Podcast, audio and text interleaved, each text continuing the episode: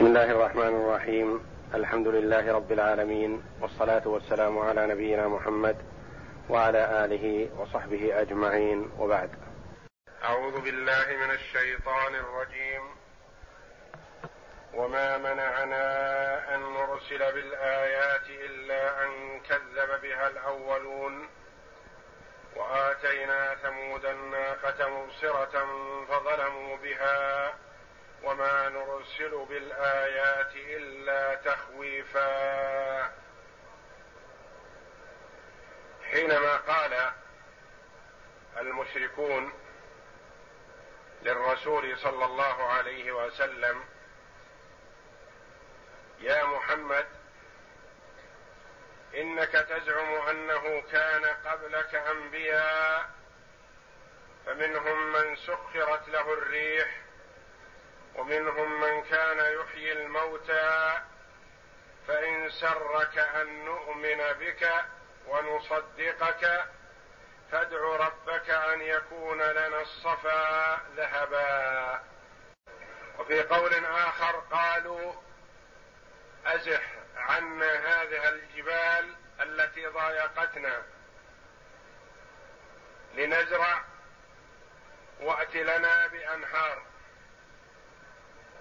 أو اجعل لنا الصفا ذهبا لننحت منه ونستغني عن رحلة الشتاء والصيف. فأوحى الله جل وعلا إلى محمد صلى الله عليه وسلم إني قد سمعت الذي قالوا لأنه جل وعلا لا تخفى عليه خافية. يعلم خائنة الأعين وما تخفي الصدور. كل ما ينطقونه من قول فهو يعلمه ويسمعه جل وعلا. كما قال جل وعلا قد سمع الله قول التي تجادلك في زوجها وتشتكي إلى الله. عائشة رضي الله عنها كانت عند النبي صلى الله عليه وسلم والمرأة تعرض أمرها على الرسول وتقول عائشة إنه ليخفى علي بعض كلامها. وأنزل الله جل وعلا قد سمع الله قول التي تجادلك في زوجها. إني قد سمعت الذي قالوا فإن شئت أن نفعل الذي قالوا فإن لم يؤمنوا نزل العذاب. فإنه ليس بعد نزول الآية مناظرة. وإن شئت أن نستأني بقومك استأنيت بهم. قال يا ربي استأن بهم. وهكذا روي عن عدد من المفسرين رحمهم الله. وأنزل الله جل وعلا وما منعنا أن نرسل بالآيات إلا أن كذب بها الأولون. الله جل وعلا أراد لهذه الأمة أمة محمد صلى الله عليه وسلم البقاء والاستمرار إلى قيام الساعة. إلى أن يرث الله الأرض ومن عليها. والآيات إذا جاءت فإن آمن بها القوم فبها وإن لم يؤمنوا استؤصلوا. لا ينظرون ولا يمهلون. فالله جل وعلا ما أعطاهم الآيات التي طلبوا وإن كان أعطى محمدا صلى الله عليه وسلم من البراهين والأدلة ما هو كاف لتصديقه صلى الله عليه وسلم والإيمان به. لكنه ما أعطاهم ما طلبوا لأنه لو أعطاهم ما طلبوا ثم لم يؤمنوا لاستؤصلوا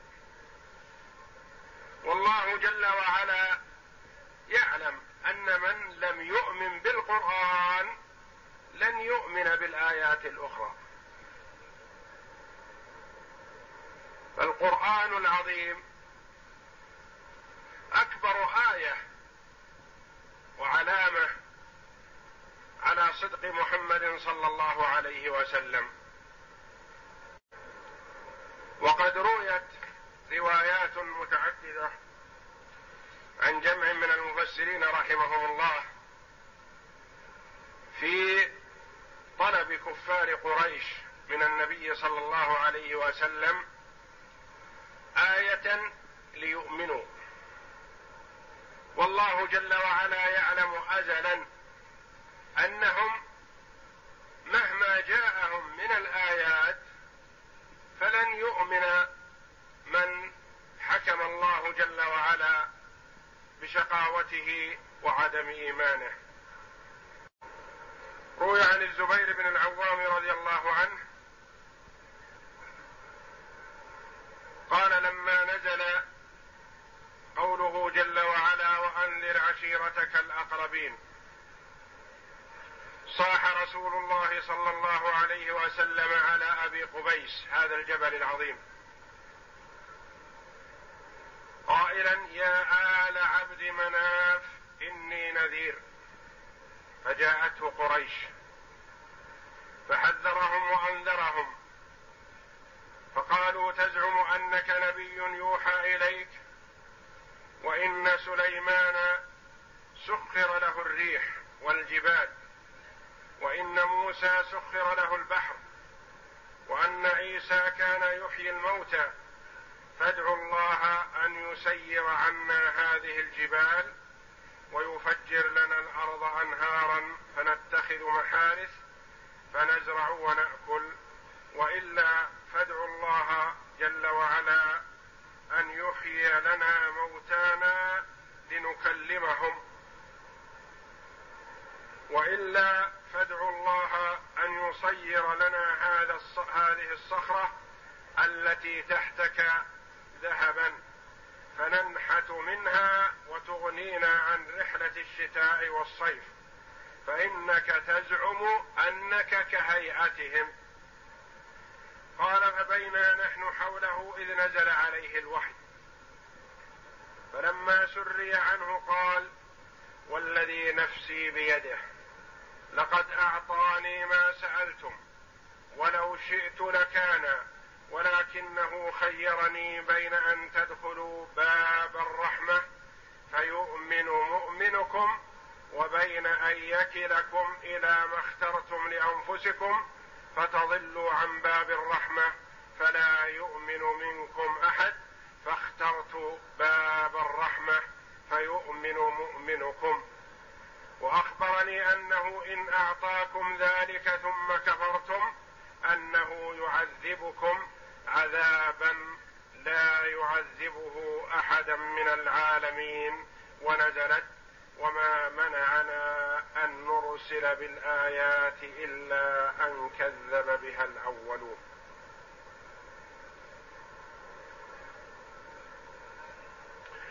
والرسول صلى الله عليه وسلم من شفقته على أمته وخوفه من عدم إيمانهم ثم يستأصلوا لم يطلب من ربه جل وعلا الآيات التي طلبوها شفقة عليهم صلى الله عليه وسلم. وآتينا ثمود الناقة مبصرة. يقول الله جل وعلا قومك هؤلاء يطلبون آية. وقد أعطينا ثمود قوم صالح عليه الصلاة والسلام. الناقة التي طلبوها. حددوا سنها وصفتها. والجبل الذي تخرج منه صخرة معينة. قالوا أخرج لنا من هذه الصخرة ناقة عشراء هذه صفتها. فخرجت منهم منها كما أرادوا. يقول الله وآتينا ثمود الناقة مبصرة. أعطيناهم ما طلبوا. الناقة آية واضحة بينة على صدق صالح عليه السلام.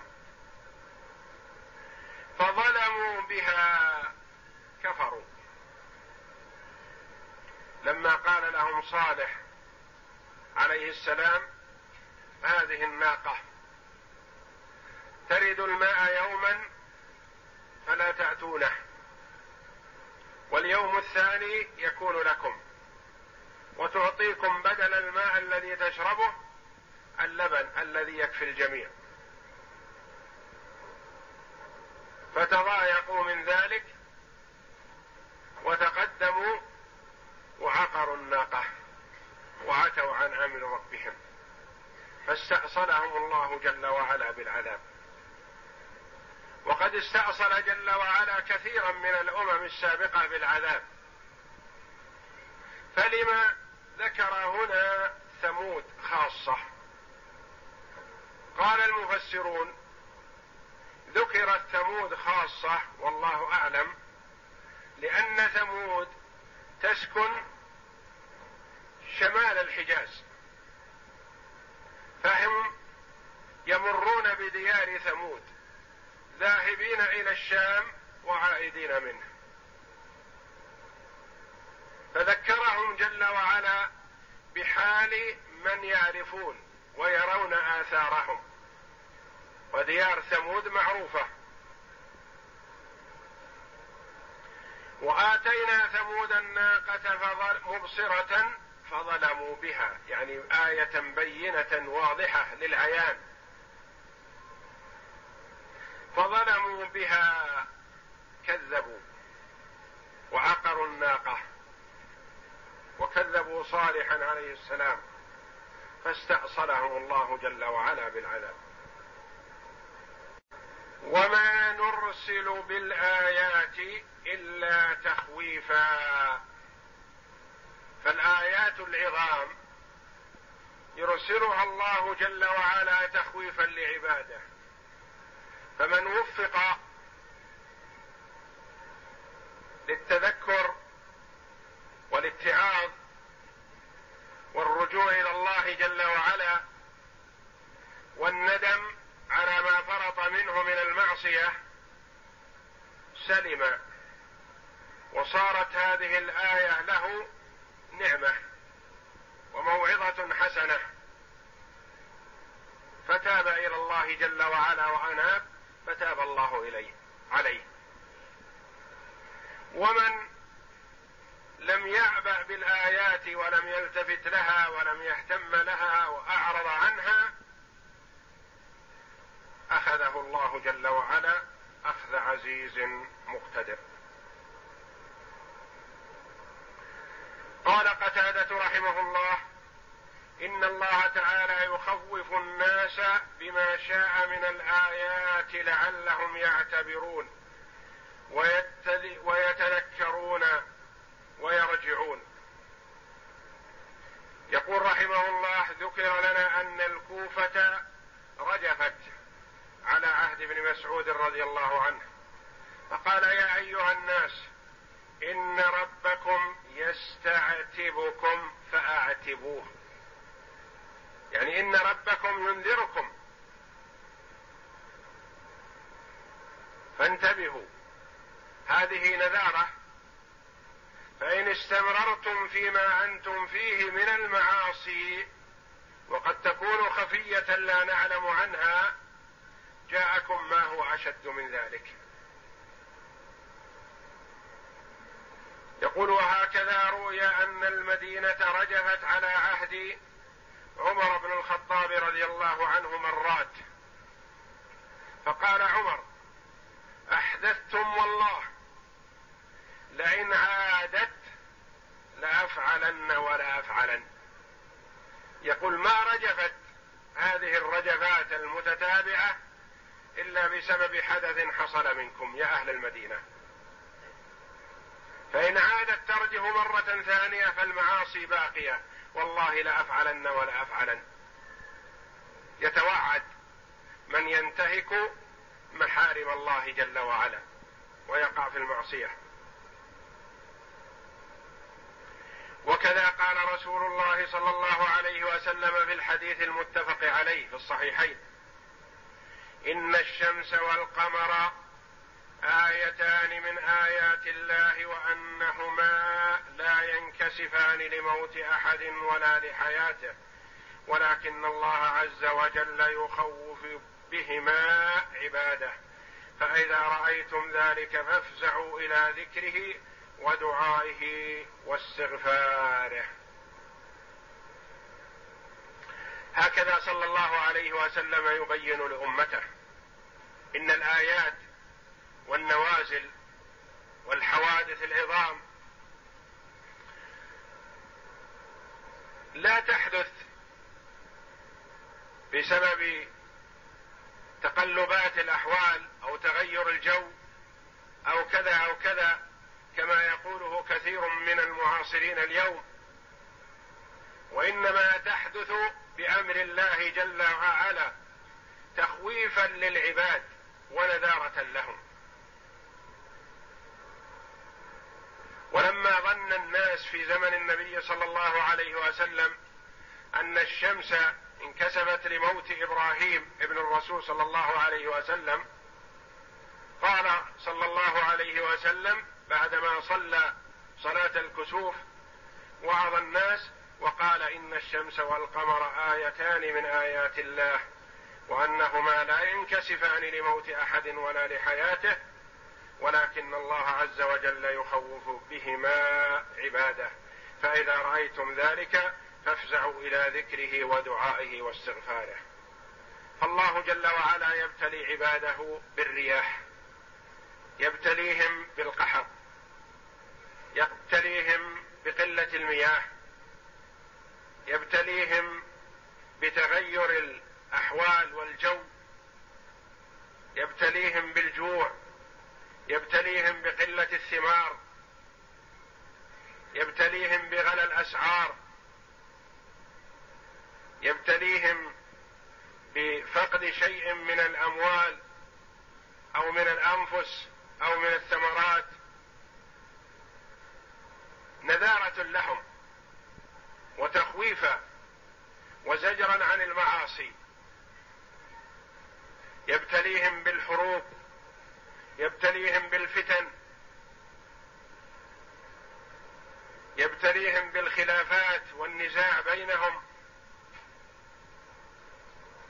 إن رجعوا إلى الله جل وعلا وتابوا إليه رفع الله عنهم ما أحله بهم. وإن استمروا على ما هم عليه من المعصية أوقع بهم ما هو أكثر من ذلك حتى يأخذهم أخذ عزيز مقتدر. فهذه المصائب والحوادث التي تحصل بأمر الله جل وعلا ومن ذلك الزلازل وغيرها بأمر الله جل وعلا وإرادته لينذر عباده لعلهم يقلعوا عن معاصيهم. وهكذا يعتقد من قلبه حي ويدرك ذلك. وأما من هم في سكرة وغفلة وسهو ولهو فإنهم ينسبون هذه التقلبات وهذه التغيرات إلى تأثيرات في الجو. إلى شيء في طبقات الأرض. إلى إلى. من الأمور التي يظنون أنها تقلبات عادية. ولا يرجعون الأمر إلى الله جل وعلا وأنه هو المتصرف في الكون. يتصرف فيه كيفما شاء. ويرسل الآيات هذه لعباده تخويفا وزجرا لعلهم يرجعون. والله جل وعلا يقول إن الله لا يغير ما بقوم حتى يغيروا ما بأنفسهم. فإذا كان القوم في رخاء وأمن واستقرار ونعمة ووقعوا في معاصي الله وانتهكوا محارمه سلب الله عنهم ما أعطاهم من النعم. وإذا كان القوم في شقاء وبؤس وتعب ونكد فرجعوا إلى الله وتابوا إليه وأنابوا إليه رفع الله عنهم ما هم فيه من الشقاء والبؤس وأحل بدله النعمة والخير والرخاء. ويقول صلى الله عليه وسلم يا أمة محمد والله ما أحد أغير من الله أن يزني عبده أو تزني أمته. يا أمة محمد والله لو تعلمون ما أعلم لضحكتم قليلا ولبكيتم كثيرا. فالله جل وعلا يمهل للظالم. فإذا لم يتب أخذه أخذ عزيز مقتدر. لا أحد أغير من الله. الله جل وعلا مطلع ولا تخفى عليه خافية. يغار أن يزني الرجل بامرأة لا تحل له. يغار أن تزني المرأة برجل أجنبي منها لا تحل له. يغار جل وعلا وإذا انتشرت المعصية وظهرت وكثرت ولم تغير أو لم يقم من يكفي التغيير عم العقاب الصالح والطالح. ثم يبعثون على نياتهم.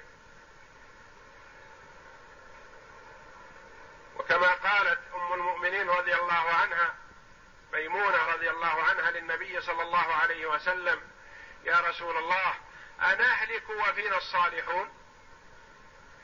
لما قال لها ويل للعرب من شر قد اقترب فتح اليوم من ردم يأجوج ومأجوج قدر هذا وحلق بين إبهامه والتي تليها. قالت يا رسول الله أنهلك وفينا الصالحون ألا ترفع المصائب والبلايا والنقم بسبب دعاء الصالحين وتضرعهم إلى الله؟ قال صلى الله عليه وسلم نعم تهلكون. إذا كثر الخبث وإن كان فيه صلاح.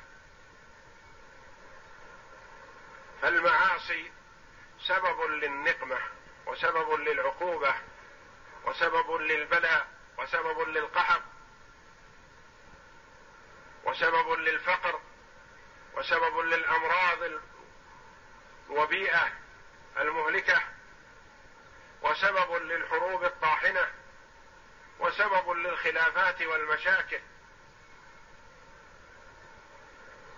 وكما قال الله جل وعلا ولنبلونكم بشيء من الخوف والجوع ونقص من الأموال والأنفس والثمرات وبشر الصابرين. الذين إذا أصابتهم مصيبة قالوا إنا لله وإنا إليه راجعون. عند ما تصيبهم المصيبة يرجعون إلى الله جل وعلا. ويعترفون بأنهم منه وإليه جل وعلا وهو المتصرف فيهم يفوضون أمرهم إلى الله جل وعلا.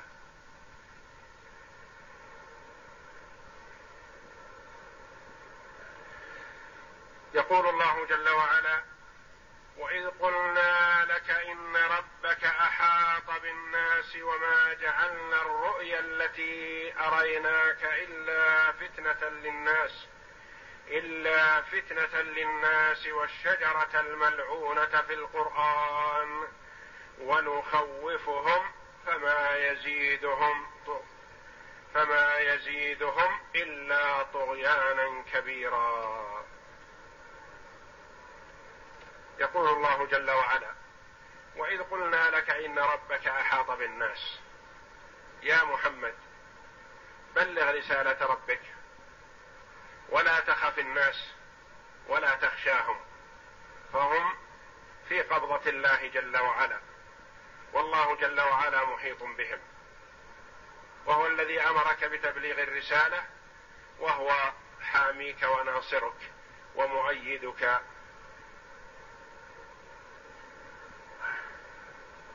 فهو جل وعلا يعلم ما يدبرون وما يمكرون وما يخططون لك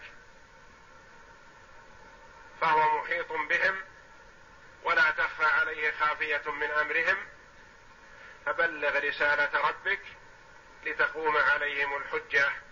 والله جل وعلا حاميك وناصرك.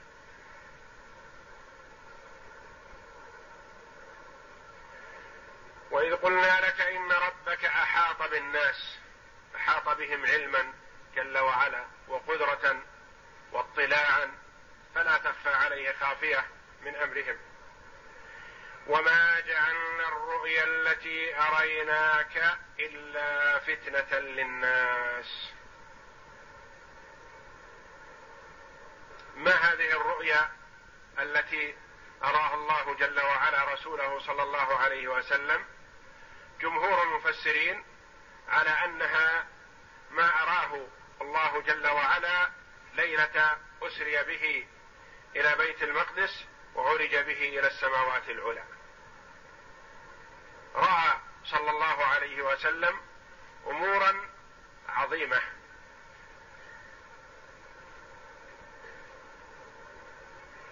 لا تحيط بها عقول البشر. فمن حكم عقله كذب. ومن آمن بالله ورسوله وصدق ما جاء عن الله وعن رسوله وإن لم يدرك بذلك بعقله اهتدى واستقام.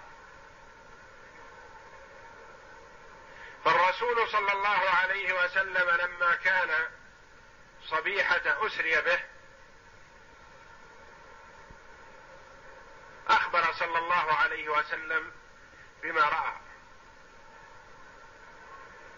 في السماوات العلى.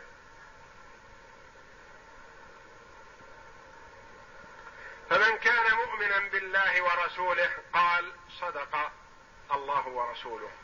صدق رسول الله صلى الله عليه وسلم. كما قال أبو بكر رضي الله عنه لما جاء إليه الفجار الكفار قالوا ألم تر إلى صاحبك يا أبا بكر يزعم أنه فعل وفعل وفعل في الليلة وذهب ورأى ورأى. شيء لا يصدقه العقل. فقال رضي الله عنه إن كان قال ذلك فقد صدق.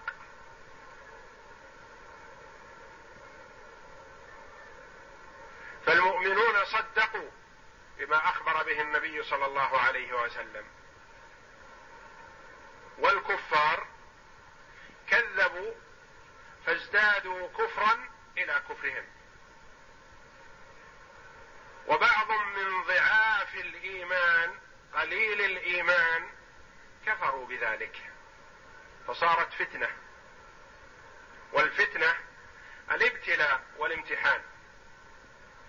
فليست شرا محض وإنما الفتنة تكون لأناس خير وتكون لأناس شر. فمن نجح في هذا الامتحان والابتلاء صار ذلك في حقه خير. ومن أخفق في هذا الامتحان صارت هذه الفتنة في حقه شر والعياذ بالله. نقمة. وكما قال الله جل وعلا إنما أموالكم وأولادكم فتنة. فنحن مبتلون بالأموال والأولاد. منا من يوفق لتربية الأولاد تربية إسلامية صحيحة وينشئهم على الأخلاق الفاضلة. ويأخذ المال من حله ويصرفه في وجهه ويستعين به على طاعة الله فيكون المال والولد في حقه نعمة عظيمة. ومن الناس والعياذ بالله من يكون عنده المال والولد فينشئ الأولاد نشأة فاسدة يربيهم على الشر وعلى الفسق والفجور. ولا يبالي بأي مسلك سلكوا خيرا أم شر. لا يأخذ على أيديهم ولا يوجههم ولا يعلمهم فيهملهم. فيكون الأولاد في حقه نقمة في الدنيا يعذب بهم ويتعب في شأنهم ويحاسب ويعذب بسببهم في الدار الآخرة لأنه أهملهم وضيعهم. ويستعين بالمال على معصية الله. يأخذ المال من الحرام من طرق متعددة ملتوية خبيثة. وينفقه في معصية الله. وإن تركه خلف ظهره استعان به من بعده على المعصية.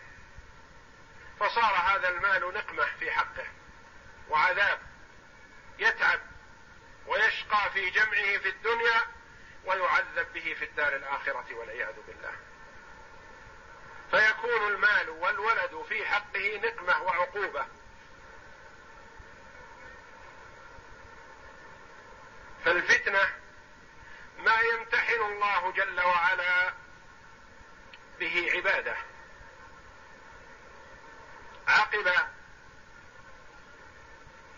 قولة أبي بكر الصديق رضي الله عنه هذه الكلمة إن, إن كان قال ذلك فقد صدق لقب رضي الله عنه بهذا اللقب العظيم لقب الصديق. صديق هذه الأمة أبو بكر. لأنه صدق الرسول صلى الله عليه وسلم في كل شيء. وليس عنده أي شك أدنى شك فيما قاله صلى الله عليه وسلم. وما جعلنا الرؤيا التي أريناك إلا فتنة للناس. يمتحن بها الناس. من الناس من يزداد إيمانا على إيمانه كأبي بكر رضي الله عنه. ومن ماثله أو سار على منواله من الصحابة الكرام ومن الناس من ضل عن الصراط المستقيم كافر فازداد كفرا إلى كفره والعياذ بالله أو مسلم لم يطمئن الإيمان في قلبه ولم يثبت فارتد عن الإسلام والعياذ بالله. لأنه أخبر بما لا يتحمله عقله ولم يوفق للتسليم والإيمان بما جاء عن الله وعن رسوله فارتد عن الإسلام والعياذ بالله. وهذا قول جمهور المفسرين أن المراد بهذه الرؤيا ما رآه صلى الله عليه وسلم ليلة أسري به. وقال بعضهم إنها ما رآه صلى الله عليه وسلم في المدينة أنه يدخل المسجد الحرام رأى رؤيا أنه يدخل المسجد الحرام فاستعجل صلى الله عليه وسلم وجاء في غزوة الحديبية فصد عن المسجد الحرام ولم يدخله لحكمة يريدها الله جل وعلا. ودخله فيما بعد. وقال الله جل وعلا لقد صدق الله رسوله الرؤيا بالحق. لتدخلن المسجد الحرام إن شاء الله إن شاء الله آمنين محلقين رؤوسكم ومقصرين لا تخافون فعلم ما لم تعلموا فجعل من دون ذلك فتحا قريبا الذي هو صلح الحديبية وما تبعه بعده من الفتوح فيما بعد. ويضعف هذا القول بأن الرؤيا التي رآها الرسول صلى الله عليه وسلم كانت في المدينة. بعد هجرته صلى الله عليه وسلم والحديبية كانت في السنة السادسة من الهجرة. وهذه الآيات نزلت بمكة قبل هجرته صلى الله عليه وسلم إلى المدينة.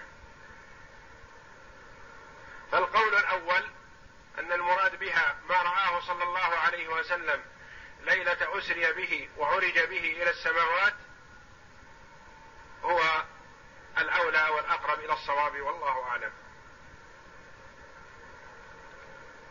والشجرة الملعونة في القرآن ونخوفهم وما يزيدهم فما يزيدهم إلا طغيانا كبيرا. والشجرة الملعونة في القرآن. ما هذه الشجرة؟ هي شجرة الزقوم. هي شجرة الزقوم. كانت فتنة.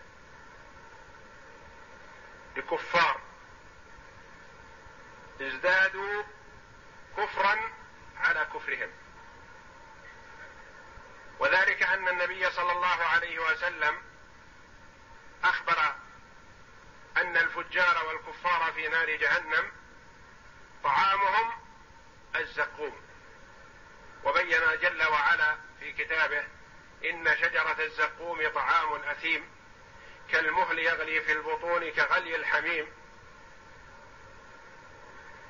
وبين جل وعلا أنها شجرة تخرج في أصل الجحيم طلعها كأنه رؤوس الشياطين. فقال أبو جهل عليه لعنة الله انظروا إلى حال هذا الكذاب يعني محمدا صلى الله عليه وسلم الصادق الأمين. يتوعدكم بالنار ويقول إن طعامكم من شجرة تنبت في, في نار جهنم. يتوعد في نار تذيب الحديد والحجارة ثم يقول إن في جهنم شجرة. فكيف تنبت الشجر؟ أو كيف ينبت الشجر في النار التي تذيب الجبال والحديد؟ يقال كيف في الشيء الذي في فعل الآدميين هل يقدرون على ذلك أو لا يقدرون؟ هل يستطيعوا أو لا يستطيعوا وأما الله جل وعلا فهو قادر على كل شيء لا يعجزه شيء. والشجرة الملعونة الملعونة ملعون آكلها وإلا فهي جمادة جماد. لا تستحق لعنا وإنما ملعون آكلها فهي طعام الملعونين المطرودين من رحمة الله. والشجرة الملعونة في القرآن كذلك هي فتنة فهو معطوف على ما قبله. وما جعلنا الرؤيا التي أريناك إلا فتنة للناس والشجرة الملعونة في القرآن. فتنة كذلك. يقول أبو جهل عليه لعنة الله لما سمع هذا الكلام من النبي صلى الله عليه وسلم قال هاتوا لنا تمرا وزبدا وجعل يأكل من هذا بهذا ويقول تزقموا فلا نعلم الزقوم إلا هذا. يقول إن الزقوم في لغة لبعض العرب إنه هو التمر يؤدب بالزبد فهو يتهكم بما سمع من النبي صلى الله عليه وسلم ويقول إن محمدا يتوعدكم بالزقوم تعالوا فتزقموا تعالوا كلوا. تمر وزبد هذا الذي يتوعدكم به محمد. يقول الله جل وعلا ونخوفهم فما يزيدهم إلا طغيانا كبيرا.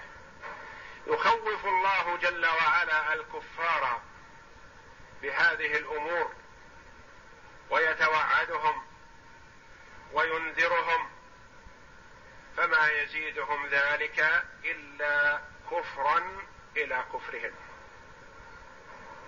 لأنهم والعياذ بالله صموا وعموا عن الحق. فلم يريدوا الحق ولم يقبلوه. ولم يحاولوا أن يفهموا بل عاندوا.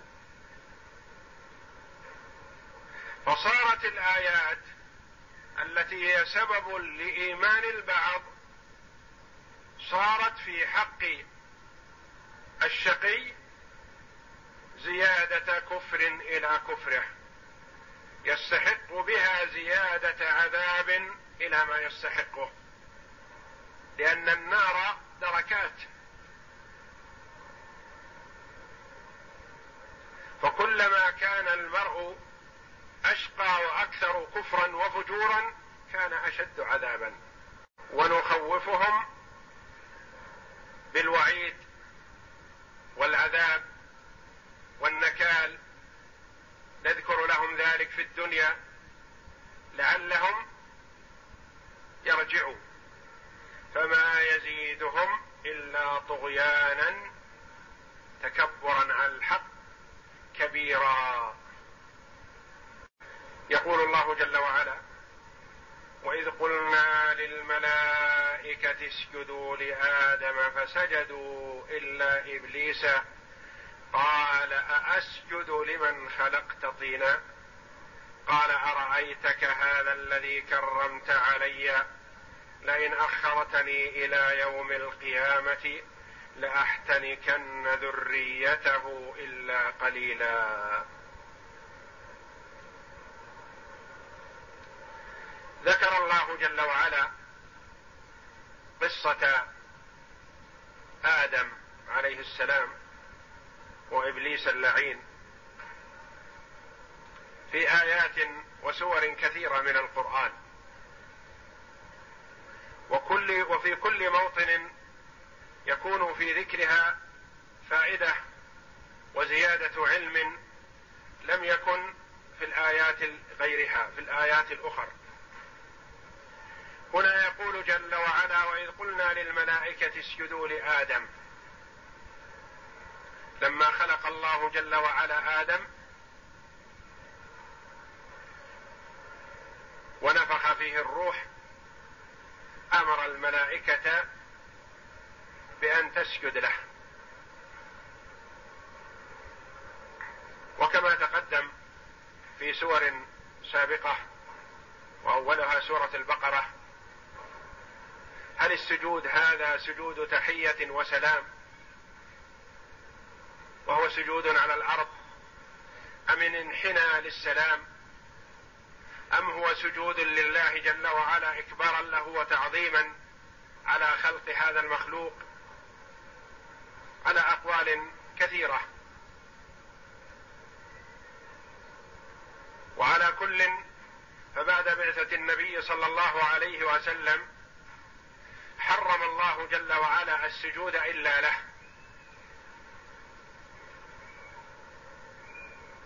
لما جاء بعض الصحابة رضي الله عنهم من محبتهم للرسول صلى الله عليه وسلم وإجلالهم له قالوا يا رسول الله إن فارس والروم يسجدون لملوكهم وإنك أحق بذلك منهم ألا نسجد لك؟ يعني نحييك بالسجود؟ فقال النبي صلى الله عليه وسلم لا إن السجود لا يصح إلا لله. أو كما قال صلى الله عليه وسلم ولو كنت امرا احدا أن يسجد لأحد لأمرت المرأة أن تسجد لزوجها لعظم حقه عليها. فالسجود لا يصلح إلا لله. وكذلك ما كان فيه مشعرا بالتعظيم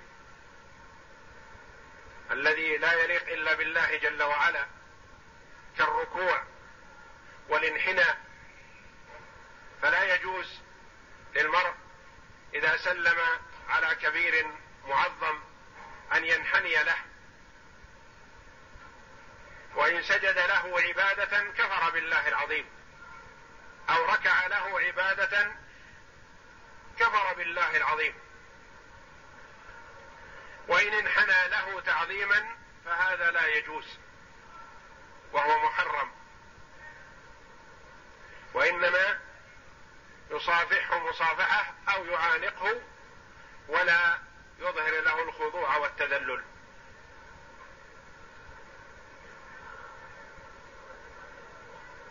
وإذ قلنا للملائكة اسجدوا لآدم فسجدوا إلا إبليس. إبليس أبى أن يسجد. تعاظم وتكبر. وقال قال أأسجد لمن خلقت طينا؟ تمردا على أمر الله وتكبرا؟ فقال أأسجد لمن خلقت طينا؟ طينا منصوب بنزع الخافض حرف الجر. أأسجد لمن خلقت من طين؟ يعني أن هذا مخلوق من طين وإبليس عليه لعنة الله مخلوق من نار. ويظن في زعمه أن النار أفضل من الطين. فيقول لا يصح لي أن أسجد له وأنا أفضل منه.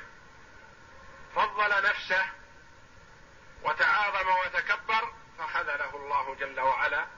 وجعله ذليلا حقيرا مدحورا مبعدا من رحمة الله.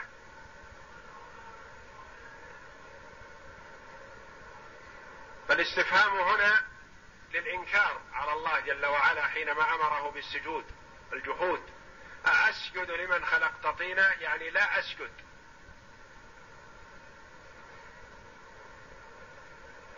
ثم قال أرأيتك هذا الذي كرمت علي؟ الاستفهام كذلك هنا للإنكار. ورأيتك ليس المراد بها الرؤيا وإنما الخبر. أخبرك.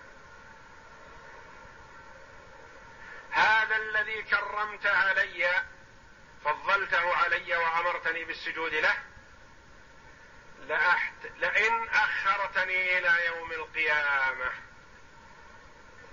اشترط وطلب التأخير عليه لعنة الله. لأنه يعلم أن الله جل وعلا إذا أعطاه شيئا فلن يسلبه.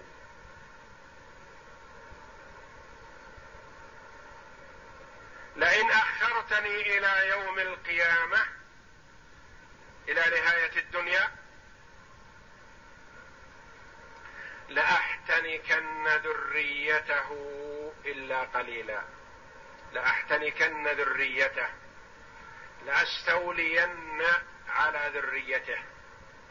لأتسلطن على ذريته.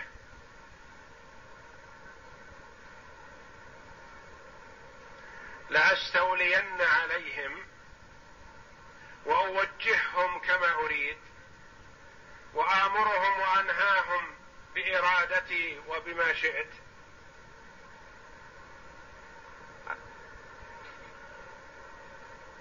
لأحتنكن مأخوذ مما يوضع على الحنك يدور على الحنك كالرسن رسن الدابة.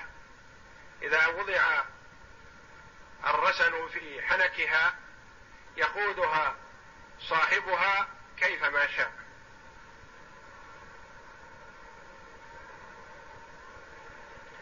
لاحتنكن ذريته يعني ما يخرج منه من الذرية. ما يكفيه أن يغوي آدم عليه السلام وإنما سيستمر في الإغواء لذريته حتى آخر الدنيا.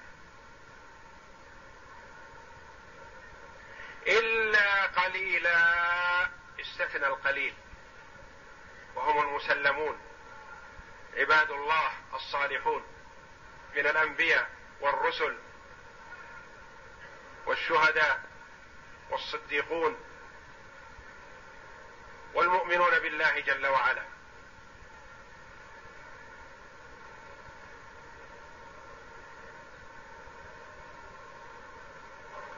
لا احتنكن ذريته إلا قليلا.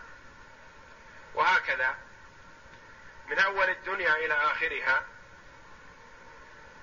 السالمون من الشيطان قليل والأكثر مطيعون له منقادون لأمره. فالسالمون قليل كما قال الله جل وعلا وإن تطع أكثر من في الأرض يضلوك عن سبيل الله وكما قال الله جل وعلا وما أكثر الناس ولو حرصت بمؤمنين فهو جل وعلا بين عداوة إبليس وأنها متأصلة من القديم وأنها مستمرة إلى يوم القيامة.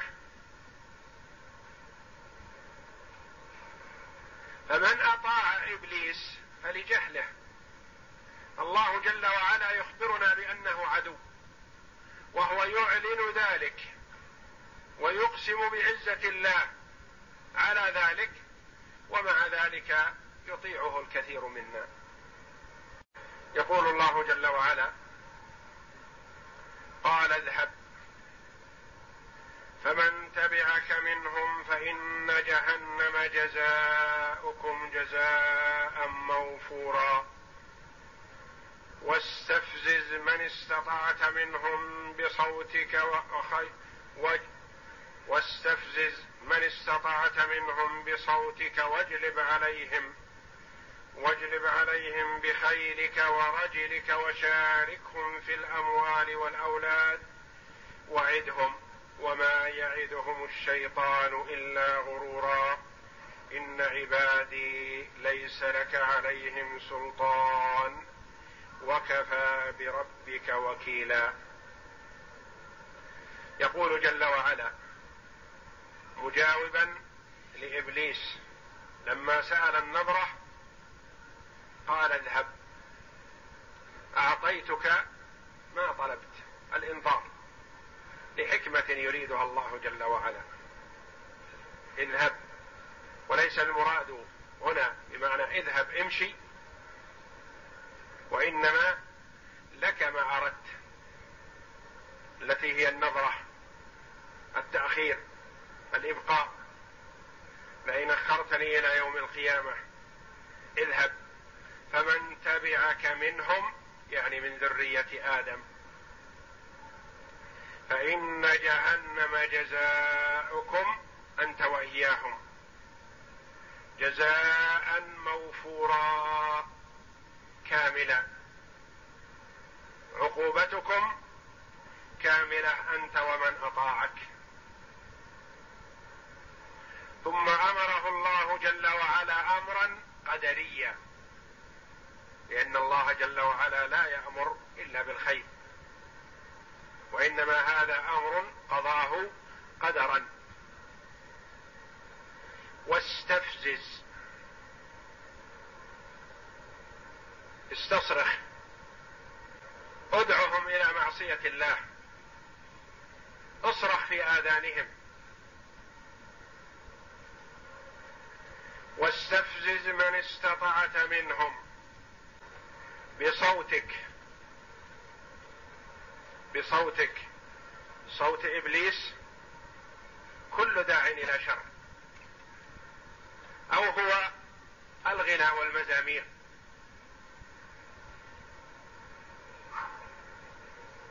واجلب عليهم بخيلك. اجلب. اصرخ. والجلبة الصراخ. والنداء بصوت مرتفع. واجلب عليهم اصرخ عليهم بما استطعت. واستعن بجنودك وأعوانك. مشاة وركبانا بخيلك الركب ورجلك الراجلين الماشين على الأقدام. استعن عليهم بشياطين الإنس والجن. وكل من دعا إلى ضلاله فإنه من أعوان الشيطان. ومن دعاته وإن ادعى الإسلام وزعم ذلك. فمن دعا إلى ضلاله فهو من أعوان الشيطان.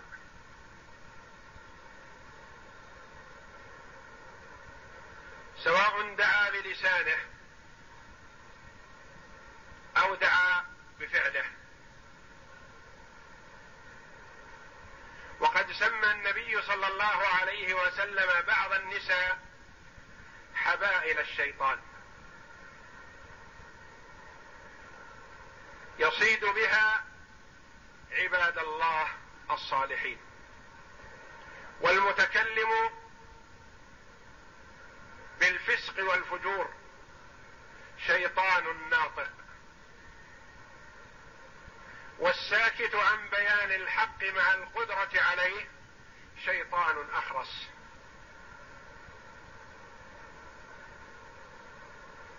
فكل من دعا إلى ضلالة بقوله أو فعله أو تحسينه أو سكوته فهو من أعوان الشيطان وممن أجلب عليهم بخيله ورجله.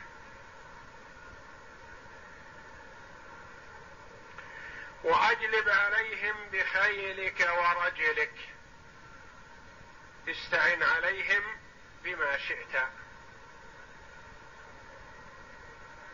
وشاركهم في الأموال والأولاد.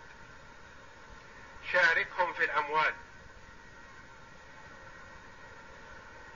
من كان الشيطان شريكه في ماله فهو خاسر.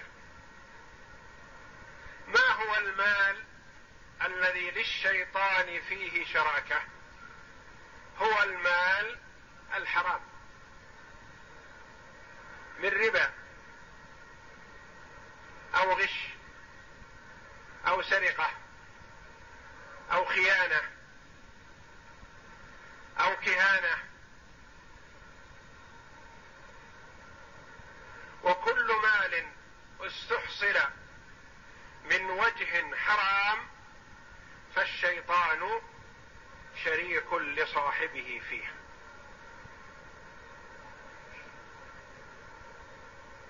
وشاركهم في الأموال والأولاد. شاركهم في الأولاد. كيف المشاركة في الأولاد؟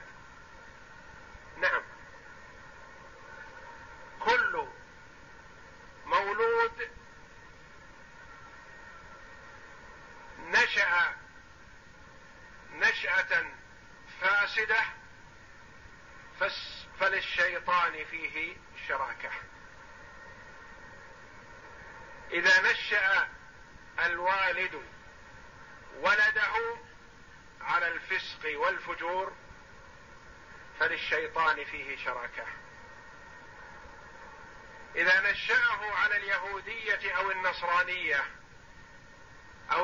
أو المجوسيه أو الشرك بالله فللشيطان فيه شراكة.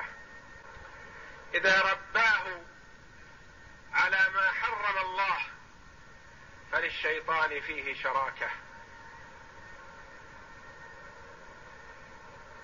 واللعين حريص على إدخال الشر على بني آدم ومخالطتهم عند أصل كل نطفة.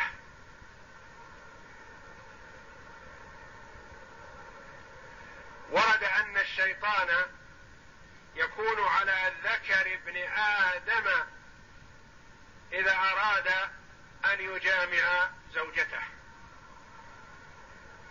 يسلم منه متى؟ إذا ذكر الله جل وعلا عند ذلك. وإن لم يذكر الله شاركه. وشارك في أصل النطفة فينزل معه في فرج زوجته.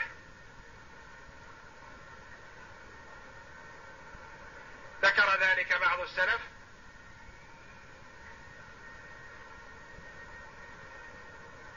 ويدل على ذلك قوله صلى الله عليه وسلم